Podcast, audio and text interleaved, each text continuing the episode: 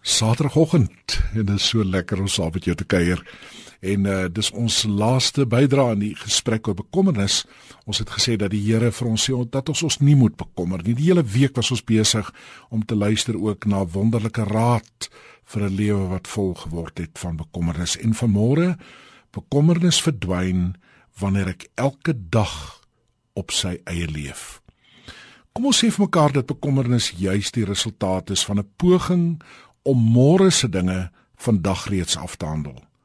Bekommernis het nooit te maak met wat jy nou moet doen of nou beleef nie, maar dit gaan altyd oor môre.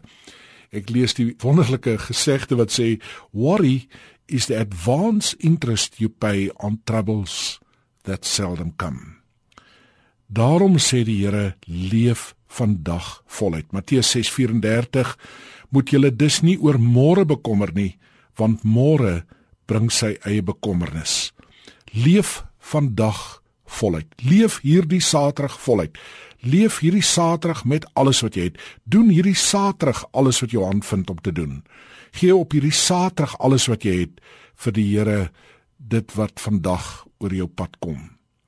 Leef vandag met die wete dat die Here jou vir vandag geroep het.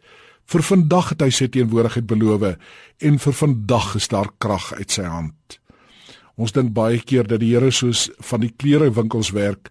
Jy kan by hom instap en krag op sig gaan haal of hoe sê ons ou mense op Epro gaan haal vir die tyd wat voorlê.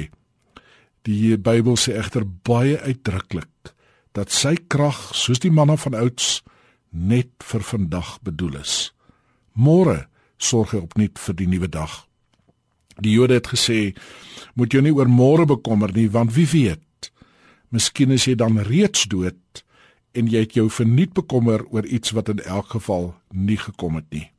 'n Oom en 'n tannie besluit om vir 'n vriend van hulle te gaan kuier. Hulle begin 'n ry en die voeltjies sing en die gras is mooi en skielik sê die tannie vir die oom: "Onthou jy daai brug waaroor ons 2 jaar gelede gery het hoe sleg hy was?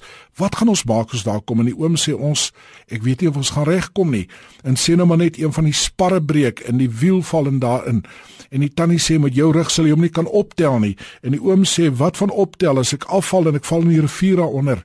Ek kan nie eers swem nie." En terwyl hulle so praat, het hulle die son skyn nie meer gevoel nie en die voëls het te vergeefs gesing. Net om toe hulle by die brug kom, agter te kom dat dit lankal reeds met 'n pragtige nuwe staalkonstruksie vervang is. Daarom die oproep uit die hart van die Here uit vir jou vir vandag, vir môre, vir die res van jou lewe. Leef vandag vir vandag. Goeiedag.